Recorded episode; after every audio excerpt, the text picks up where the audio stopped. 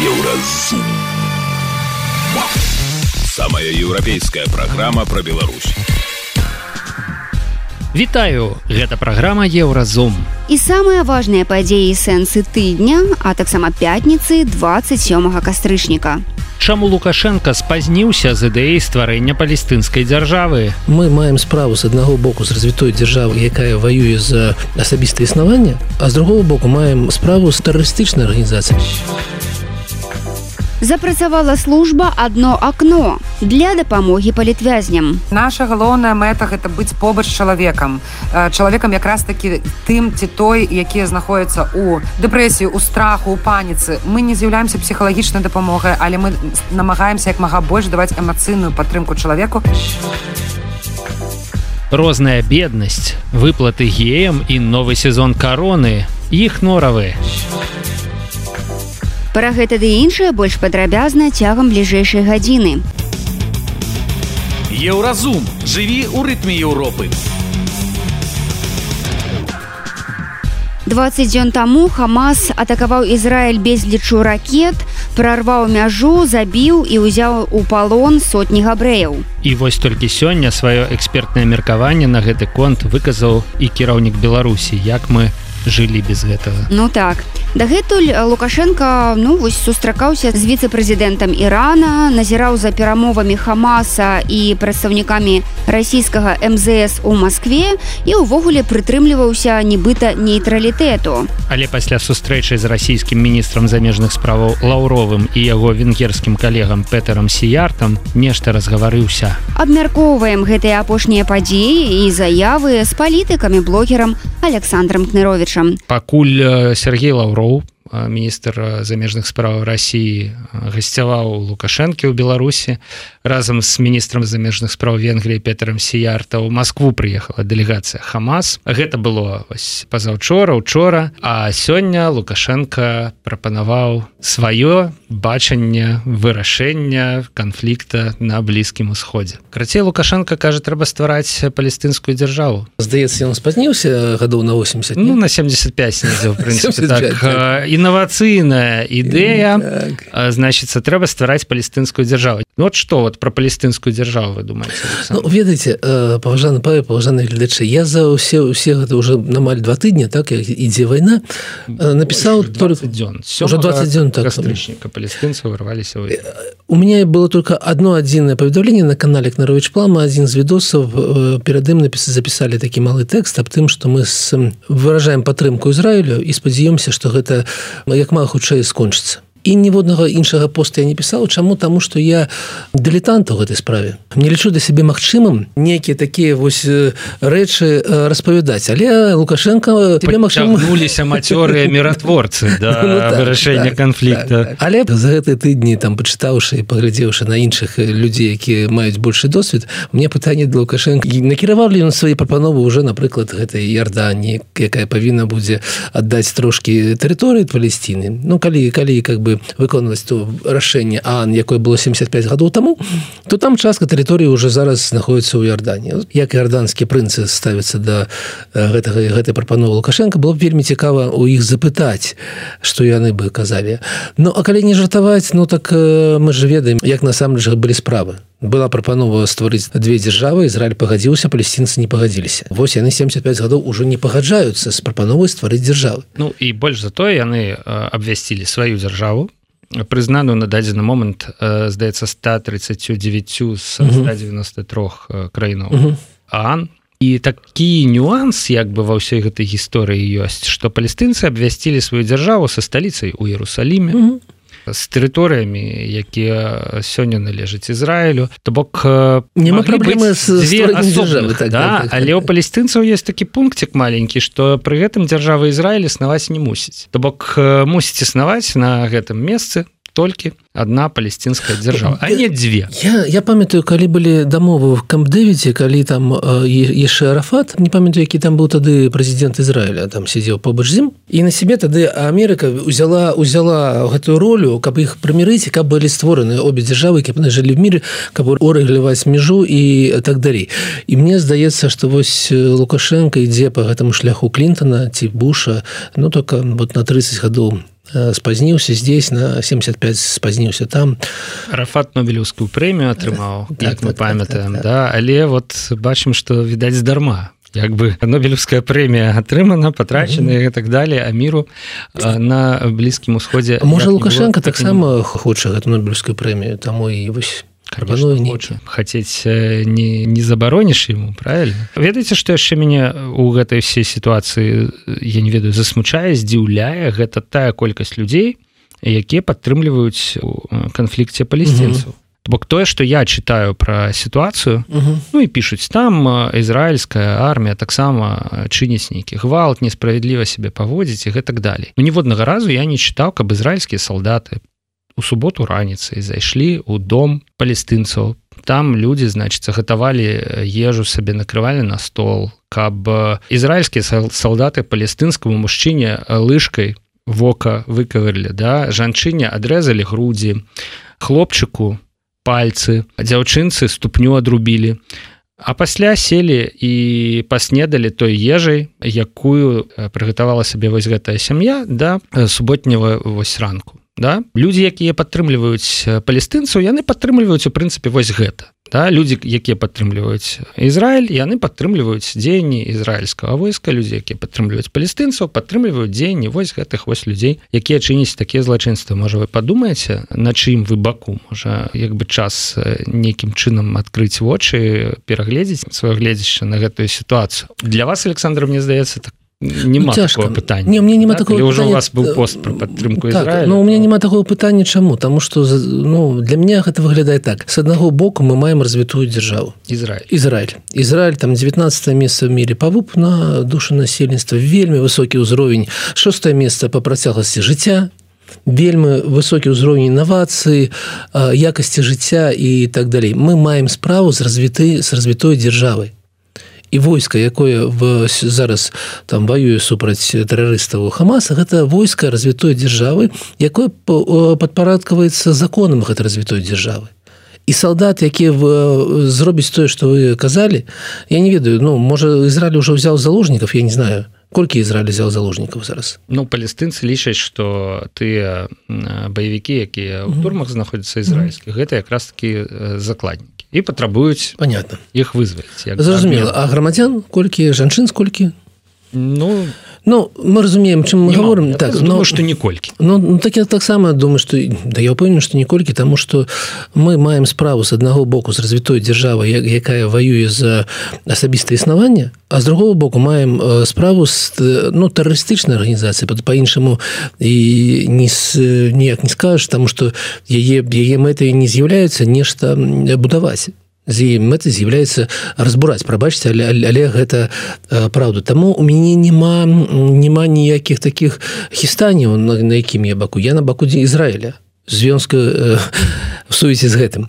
Але у меня есть іншае пытанне. Ведаеце я бачу што робіць Ізраіль і мне цяжка назіраць як яна адказваецца. Ізраіль змагаецца за існаванне. Я разумею чаму яны гэта робяць але на гэта вось чалавечага пункту гледжання вельмі цяжка назіраць за гэтым просто бок за, як за любой вайной так. у прынцыпе любая вайна гэта кроў выбухі параненыя забітыя і гэта працягваем размову з александром кныровичам Ну у нас там яшчэ лаўроў вісіць лаўроў ну, з, з гэтым з венграм мы як бы кранули да гэты да. хамас у Москве. Дарэчы лукашенко ж ён сёння сказаў что за всім стаяць аказацца америкосы. Канешне хамас прыехаў у Москву на гэта мы вот так вот вочы закрылі америкосы Америкос. Нет, так Хамас ехал в Нью-Йорк, але пераблы того как бы рейсы, доехал до Москвы. Захоп самолета. так, так, так. Все. Профессийные, профессийные нечто.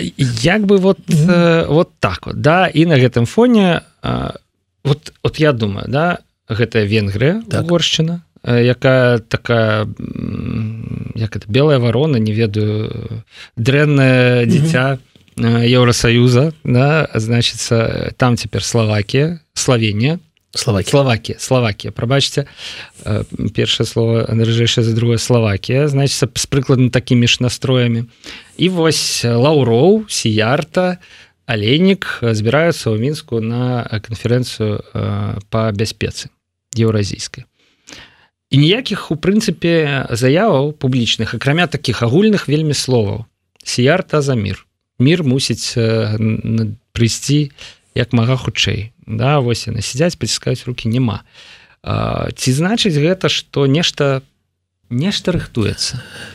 Ох ведаеце я зноў ось міратворцаў ведаеце? Ну да я Венгрія Венгрыя в тым сам Ну па-першае сама вас сама все выгоршана зараз у нас адлюстроўвае такі анты антытэзіс для тых хто гаворыць давайте зробім беларусі парламенцкой рэспублікі будзе лепш калі вы маеце парламенцкую рэспубліку то у таго чалавека які жадае быць аўтарытарным правіцелем больш больше больш шансаў Таму што мы, мы маем Орбанта, які ў дэмакратычнай краіне, але аўтарытарны вельмі чалавек і ўжо ва ўладзе колькі там 15 гадоў ці сам нормально. Да. Таму как бы вот другі прыклад, напрыклад ну, другі прыклад гэта не такія аўтарытарныя краіны, але мы бачым колькі кіруюць краінамі у Геррманіі ці ў Італіі ёсць магчымасць кіраваць.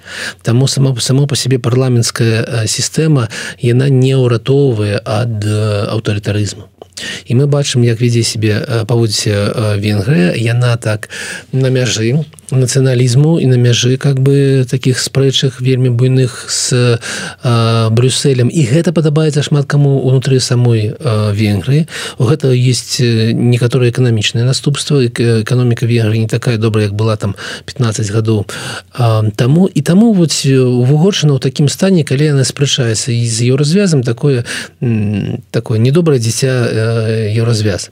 Але эканоміка не вельмі ну малая эканоміка на ўзроўні еўразвяза і ўплыў вугоршаны не невялікі уплыў уплыў той самай ну трэба разумець што Польша там по эканомікі у чатыры разы большая за венгры что гэта не, не адно і тое ж Венгрыя не донар еўрапейскага раз такі акцэптар так. прымае грошы ласкава прымае грошы з нямецчыны там з Францыі да з тых краінаў якія ўласна кажуць у еўросаюз укладае так і яна намагаецца вось так не пагаджацца з брюсселем і весці не весці нейкую сваю такую асабістую палітыку але ўсё ж такі ну под санкцыі наш подписывается і наш краіна нато ўсё ж такі. І калі там лукашенко гаворыць ці Пуін на том что НАТО на нас напала яны маюць на увазе тую ж самую венгры там что Венгрыя профінансавала сваю частку НАТО свае войскі і так далей. То есть гэта вораг. Гэта вораг. Венгрія гэта тыя самыя які на іх напалі Вось.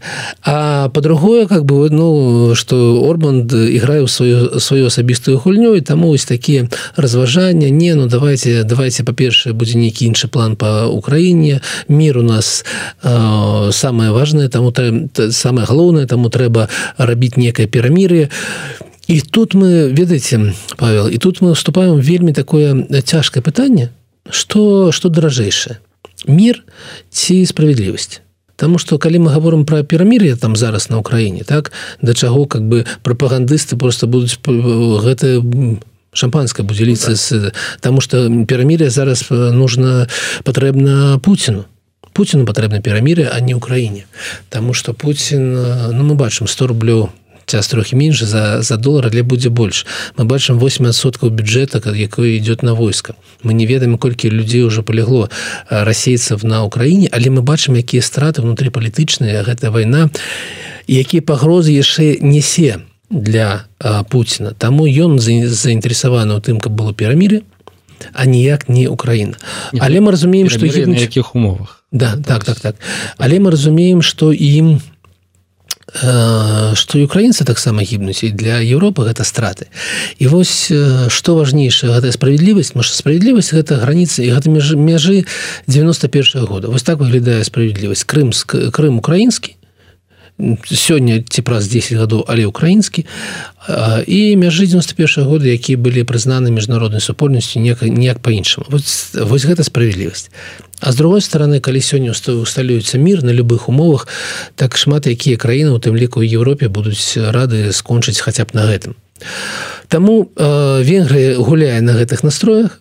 Я упэўнены что гэта такія гульня ў мізер что ўсё ж таки большасць зараз за тое каб не прыпыняць ніякіх ніякай дапамогі Украіне. Але маем що маем Александр кнырович палітыкі блогер правіў лікбез па эканоміцы венгрыі і патлумачыў чаму лукашенко спазніўся з ідэяй стварэння палестынскай дзяржавы еўразум Беларусь у еўрапейскім фокусе.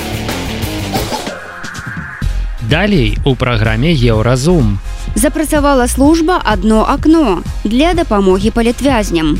Наша галоўная мэта гэта быць побач чалавекам. Чалавекам якраз такі тым ці той якія знаходзяцца у дэпрэсіі у страху у паніцы. Мы не з'яўляемся псіхалагічнай дапамогай але мы намагаемся як мага больш даваць эмацыйную падтрымку чалавеку. Розная беднасць выплаты геям і новы сезон кароны іх норавы. Сустрэнемся пасля навінаў спорту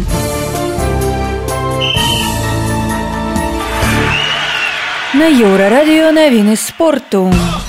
23гадовы беларус Ілья Салаўёў дэбютаваў у НХл. Ён стаў 15 нашым суайчыннікам у гісторыі, які згуляў у наймацнейшай хакейнай лізе свету. Калгары, за які выступае Салаўёў, прайграў Сент-Луісу 03. Беларускі хакеіст правёў на пляцоўцы 16 з паловай хвілін сталіца атрымала другую перамогу ў адборы лігі чэмпіёнаў па міні-футболе. Спачатку быў абыграны дукас з грэцыі 52 пасля лучэнец са славенні 31 турнір праходзіць у італіі. Беларускі гандбаліст мікіта вайлупаў дапамог венгерскаму веспрыму выйграць у барселоне ў лізе чэмпіёнаў 41 35 на яго рахунку адзіны закінуты мяч у групе лідыруюць абедзве каманды яны набралі па 10 ачкоў Беларуская баскетбалістка Кацярына Сныціна згуляла ў пераможным паядынку еўракубка Лондон Лайон з нямецкім клубам Кэлтерн 9350. Яна правяла на пляцоўцы амаль паўгадзіны набрала 10 ачкоў. Беларуская Рына Мартынова заваявала бронзу на маладзёжным чэмпіянаце свету па барацьбе ў Албаніі. Яна выступае ў вагавой катэгорыі да 55 кілаграмаў. Аліна Шаўчук у вагавой катэгорыі да 68 кілаграмаў стала ўладальніцай срэбра. Беларускія спартсмены ўдзельнічалі ў турніры ў нейтральным статусе. Гэта былі навіны спорту на еўрарадыё. Заставайцеся з намі.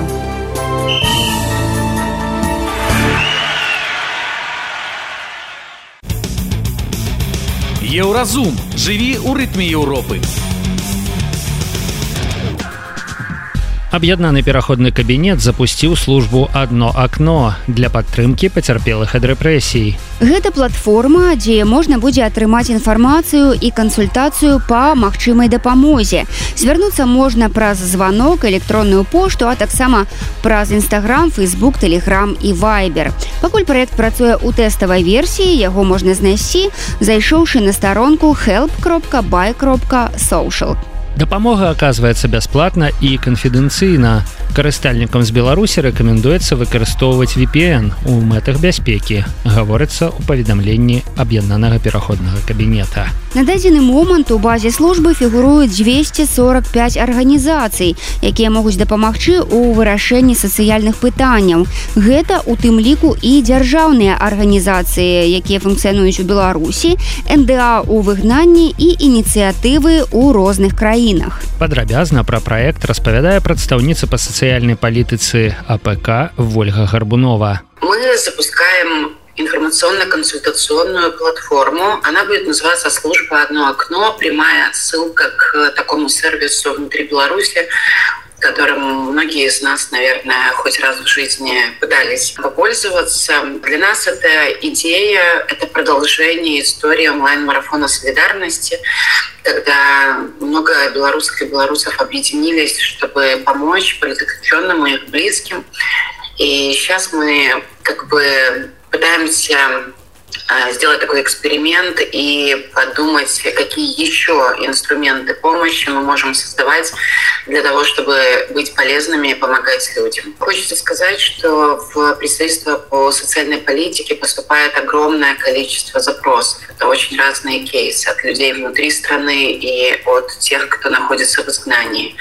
Это люди очень разного возраста, состояния здоровья. Это пострадавшие от домашнего насилия, но, скорее всего, такие обращения обучение происходит, потому что мой бэкграунд связан с э, длительной работой в этой сфере. Но, тем не менее, люди часто говорят о том, что они не знают, куда обращаться, э, даже если они находятся в Беларуси, они дезориентированы, они чувствуют себя одинокими в своей проблеме и не знают, где получить помощь. Безусловно, представительство, в котором не такая большая команда, это просто периодически блокирует нашу работу, потому что мы пытаемся предпринимать шаги, оказывать помощь в каждом таком кейсе, который к нам перенаправляют. И мы решили, что это должно выстроиться в такую очень понятную, доступную а, систему работы. И подумали о том, что вот такой инструмент, как одно окно, некое место, где будет собрана вся актуальная информация о возможной помощи, которая есть и внутри страны, и за ее пределами, будет собрана, где будут работать обученные операторки. На данный момент у нас их три человека,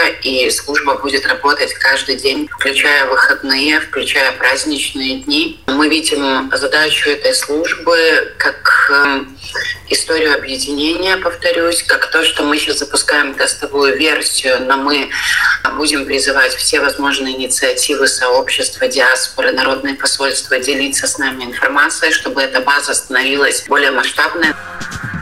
Паплечніца Волья Гарбуновая, актывістка Наста Базар кажа, што аператаркі аднаго акна прымалі заяўкі на дапамогу ўжо ў першыя гадзіны працы сервіса. Вось што Наста распавядае пра стварэнне ініцыятывы і яе прыярытэты. Як мы зразумелі, што такі сервіс патрэбны. Па-першае, прадстаўніцтва па сацыяльнай палітыцы аб'яднанага пераходнага кабінета Беларусь звяртаецца шмат людзей з запытамі пра дапамогу. Але на жаль, у прадстаўніцтва няма такіх ресурсаў, каб аказваць прамую дапамогу, тому што па-першае, у прадстаўніцтве працуе толькі два чалавека афіцыйна гэта ольга гарбунова прадстаўніца і я намесніца няма каманды якая б могла займацца вось апрацоўкай і прамой дапамогай людзям. Па-першае па-другое ёсць велізарная колькасць ініцыятыў арганізацый фондаў суполак якія дапамагаюць. І тут паколькі у прадстаўніцтва мэта і задачы гэта мяняць якраз такі сацыяльную сферу на палітычным узроўні задача аднаго вакна гэта ўзмацніць там тое што ўжо існуе. Гэта ўзмацніць працу тых арганізацый ініцыятыў суполак фондаў якія ўжо існуюць і ўжо працуюць. Другое гэта тое што людзі дэзарыентаваныя часта напалоханыя знаходяцца ў цяжкім эмацыйным стане калі яны трапляюць сітуацыю небяспекі. І ў такім стане вельмі цяжка шукаць сам самастойна некую дапамогу нейкую інфармацыю. Я як незвы актывістка магу сказаць што таксама з гэтым стукаюся сістэматычна калі звяртаюцца людзі. Людзям цяжка прасіць па пра дапамагчы ім людзям цяжка шукаць інфармацыю. А часам людзі пачынаюць шукаць не знаходзяць з першага разу кідаюць і не просяць пра дапамогу. І тут наш тут у мэта аднаго вакна гэта даць вось гэтую падтрымку эмацыйную што мы побач з вами мы будзем шукаць за вас гэтую інфармацыю. Мы будзем вас падтрымліваць пакуль вы будете шукаць гэтую інфармацыю. Мы будзем калі гэта та інфармацыя якую мы дадзім мне не спрацуе не дапаможам мы будзем шукаць і наступную і наступную пакуль ваше пытанне будзе вырашана. Пры гэтым безумоўна мы разумеем што ёсць на жаль такія пытанні якія могуць быць не вырашаны. Гэта мы ўсе разумеем. Але прынамсі даць усю тую інфармацыю якая уже існуе наша мэтай падтрымаць чалавека і быць вось гэтым пошукам за чалавека таксама трэці пункт это Я ўжо трошку казала пра дапамагаючыя ініцыятывы іх вялікая колькасць і гэта праўда што некаторыя з іх мала вядомыя негледзячы на тое што яны вельмі карысныя. І мы зараз кажам не толькі пра ініцыятывы якія дапамагаюць напрыклад у тэматыцы палізняволеных іх сямей але ў тэматыцы іншых таксама важных сацыяльных тэмаў якія датычацца ўразлівых груп таких як хатні гвалт як людзі старш старэйшага ўзросту як людзі з інваліднасцю. І таксама мы хочам даваць кантакты у тым ліку і тых арганізацый якія знаходзяцца ў іншых краінах. Напрыклад э, зараз беларусы беларускі по ўсяму свету раскіданы і калі нехта знаходіцца напрыклад у вільне альбо там у польльшчы то наша мэта даць яшчэ не толькі кантакты беларускіх э, э, дапамагаючых арганізацый але і кантакты польскіх літоўскіх арганізацый якія працуюць з людзьмі з той уразлівай групы з якой напрыклад з'яўляецца чалавек які просіць запад. Э, таксама вось апошні пункт это пра тое што аказаўшыся ў іншай краіне безумоўна вельмі шмат патрабуецца ресурсаў каб шукаць новую інфармацыю па легалізацыі па іншым пытанням. Э, аказаўшыся ў іншай краіне часам э, людзі не Гэта не з'яўляецца э, прычынай напрыклад пазбягаць іншых праблем таких як я ўжо ўзгадвала да это і хатні гвалт гэта і праблема э, з э, з немажлівасцю знайсці падтрымку і вялікая колькасць гэта таксама трэба агучваць што шмат людзей на жаль э, не вытрымліваюць і э, становяцца залежнымі ад алкаголю. І гэта таксама пытанне з якім трэба працаваць. То бок пераезд у іншую краіну гэта бяспека але гэта не значыць што няма праблемаў. І гэтым людзям мы таксама хочам дапамагаць тымі кантактамі якія мы можемм знайсці для іх таксама вельмі важна заўважыць што э, ёсць канешне ж такія сітуацыі на якія не будзе адказу і не будзе магчымасці дапамагчы таму што мы живвем у такім свеце у такой сітуацыі зараз што гэтая верагоднасць такая ёсць. Але наша галоўная мэта гэта быць побач чалавекам. Э, чалавекам якраз такі тым ці той якія знаходзяцца у дэпрэсіі у страху у паніцы. Мы не з'яўляемся псіхалагічнай дапамогай але мы намагаемся як мага больш даваць эмацыйную падтрымку чалавеку каб чалавек разумеў разумеў зразумела што яны не адныя што побач ёсць тыя хто будуць дапамагаць шукаць інфармацыю для того каб вырашыць іх праблемы. Калі казаць канкрэтна пра вось гэты кейс што чалавек выходзіцца з турмы знаходіцца ў беларусі у яго няма грошай і гэтак далей баіцца за сваю бяспеку ён можа напісаць у одно вакно праз усе тыя каналы камунікацыі якія зараз ёсць. Гэта сайт гэта соцсеткі гэта месенджеры і э, задаць э, свой запыт. Напрыклад э, я баю за сваю бяспеку і аператаркі шукаюць інфармацыю ў сеціве што можна зрабіць каб напрыклад чалавек мог выехаць альбо як чалавека падтрымаць альбо які-нибудь гайды по бяспецы то бок усё тое што ёсць мы самі не ствараем мы перанакіроўваем але наша задача гэта быць побач пакуль праблема чалавека не будзе вырашана. Асобна чалавек можа запрасіць а што рабіць калі мяне не бяруць на працу і зноў-таки наши аператаркі будуць шукаць інфармацыю як знайсці працу як абжалаваць тое што эту працу не даюць ці ёсць нейкія іншыя варыянты. а сярод ініцыятыў якія фігуруюць у базе аб'яднанага пераходнага кабінету і дапамагаюць палітвязням ёсць і дзяржаўныя службы. Мы запыталіся ў нас ты базар ці ёсць сувязь паміж імі і дэмакратычнымі ініцыятывамі.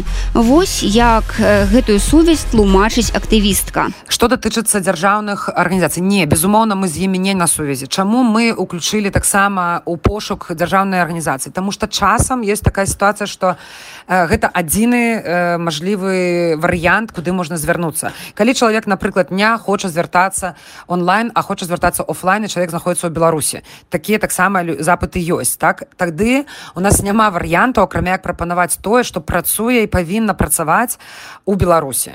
Самы просты прыклад там людзі напрыклад не ведаюць што ёсць куды можна пайсці зараз чалавеку напрыклад з інваліднасцю. Так у нас няма нда цяпер тому што яны ліквідаваны якія дапамагалі людзям якія былі ўнутры беларусі зараз іх ліквід ліквідавалі але куды тады чалавеку звяртацца калі няма другіх ніякіх варыянтаў прынамсі мы лічым што правільна каб людзі ведалі што ёсць афіцыйнага ў беларусі і што павінна працаваць па гэтых пытаннях і куды можна звярнуцца Мы, на жаль, не ведаем, ці гатовыя дзяржаўныя арганізацыі дапамагаць.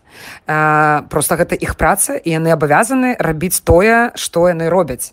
Калі гэта дзяржаўная арганізацыя, якая Э, заяўляе што она дапамагае ў нейкай сацыяльнай праблеме то значит да іх можна звярнуцца з этой праблемай калі яны не будуць дапамагаць э, і чалавек зноў да нас звернецца то безумоўна мы будзем шукаць іншыя варыянты дапамогі але не даваць э, дзяржаўныя кантакты дзяржаўных арганізацый мы не можам таму што яны існуюць яны унутры беларусі яны павінны працаваць наколькі гэта бяспечна гэта таксама э, адказнасць і чалавека і мы канешне пра бяспеку ўвесь час кажам і будзем казаць. Э, але тыя хто знаходіцца ўнутры беларусі і гатовы ісці ў дзяржаўнай структуры яны павінны прынамсі ведаць якія гэтыя дзяржаўнай структуры ёсць калі казаць пра звароты то статыстыка за сённяшні дзень будзе дакладная у нас заўтра і я думаю што мы будзем публічыць наколькі мне вядома у першы у першую гадзіну ці там паўтары ўжо былі запыты дакладнай колькасці не ведаю але дакладна запыты былі аператарка працуе. І маю надзею што чым далей тым будзе іх больш і тым больш людзей змогуць знайсці падтрымку. у у тым что мы робім. Э, ну а ўсім хто дапамагае мы хочам сказаць что мы разам мы заодно э, мы вельмі э, просім далучацца да гэтага проекту далучацца тым каб э, даваць контакты дапамагаючых ініцыятыў арганізацыі якія вам вядомыя. Канешне безумоўна вялікая колькасць там тых арганізацый якія ўжо і так у усіх на слуху. Яны у нас ёсць мы іх знайшлі у сеціве але вялікая колькасць ёсць маленькіх ініцыятыў арганізацый суполак про які мы не ведаем. Таму калі ласка дзяліцеся контактамі дапамагайце нам дапамагаць болей. І я думаю што гэта атрымаць выдатны інструмент падтрымкі дапамогі усім тым хто гэтага патрабуе актывісткі і ўдзельніцы ініцыятывы одно акно наста базар і ольга гарбунова распавялі нам пра тое як будзе функцыянаваць новая служба накіраваная на дапамогу паліць зняволеным еўразум. Беларусь у еўрапейскім фокусе. Далей у праграме еўразум розная беднасць выплаты геям і новы сезон кароны. Іх норавы сустрэнемся пасля навінаў шоу-бізу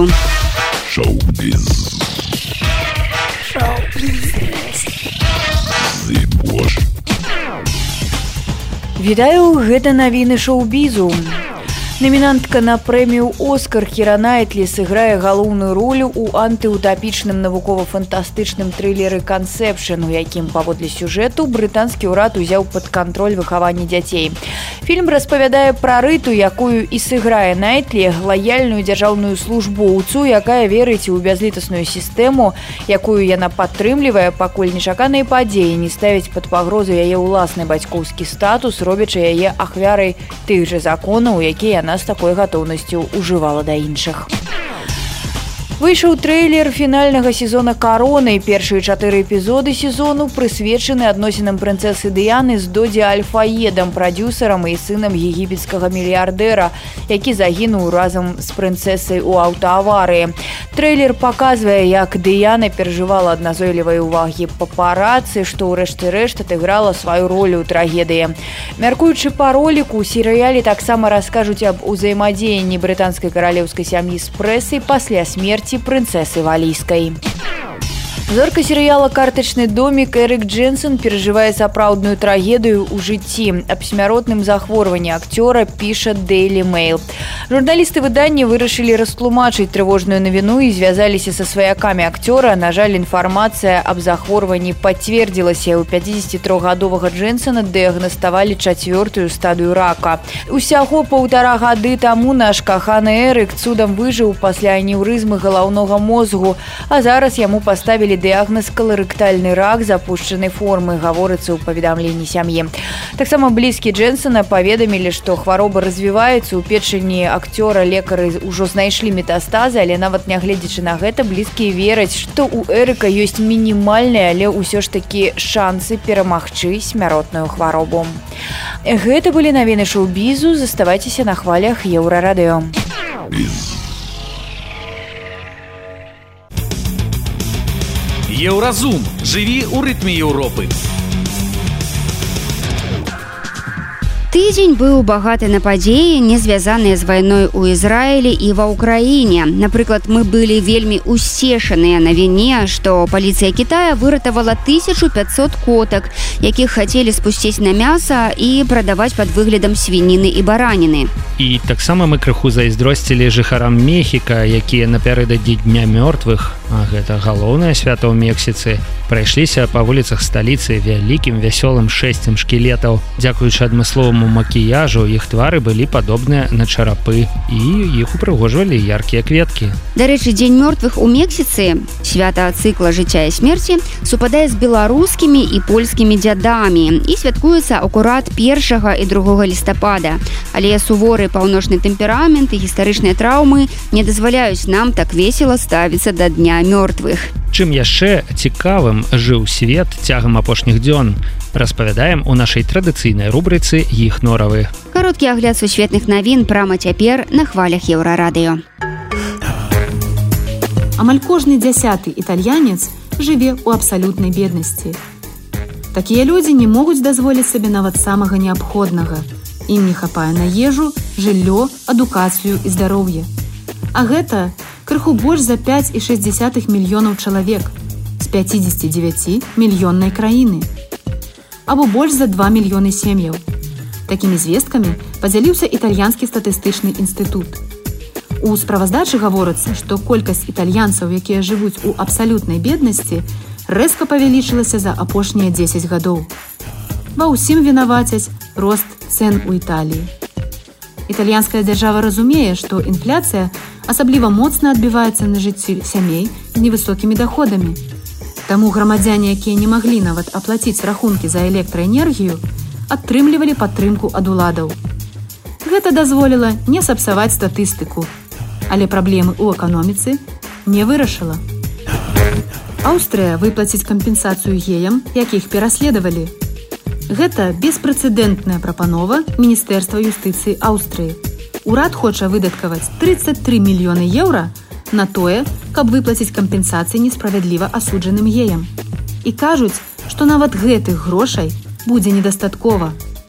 Гаворка вядзецца пра грамадзян, якія былі асуджаныя за гомасексуальныя дзеянні паводле крымінальных артыкулаў.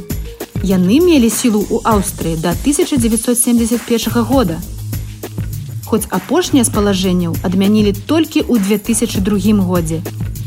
На кампенсацыю могуць разлічваць людзі, якія правялі час у спецыяльных установах і былі названыя псіхічна ненармальнымі злачынцамі. Афрыцы дзяўчаткі кідаюць школу і выходзяць замуж, бо вучыцца дорага. Базавая школьная адукацыя нават у 21 стагоддзі ўсё яшчэ раскоша. Прынамсі для 6 мільёнаў афрыканскіх дзяўчатак. Пра гэта гаворыць міжнародная арганізацыя кафмет. Яна займаецца выкараненнем беднасці ў Афрыцы праз адукацыю дзяўчат і пашырэнне правоў жанчын.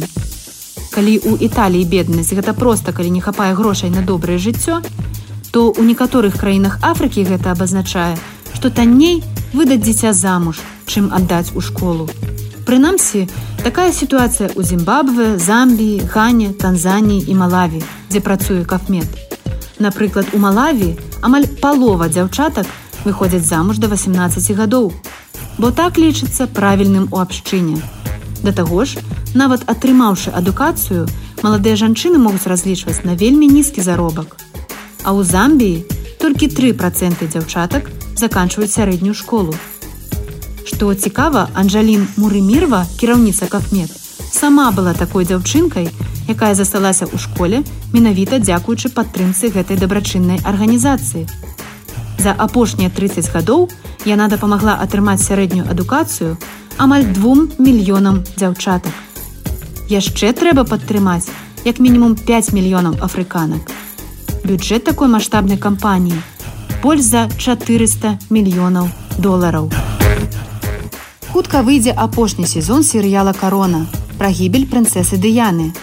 Netflix апублікаваў трэйлер апошняга шостага сезона серыяла карона пра брытанскую манархію каралеву Великабрытаніі Лізавету другую і яе сям'ю.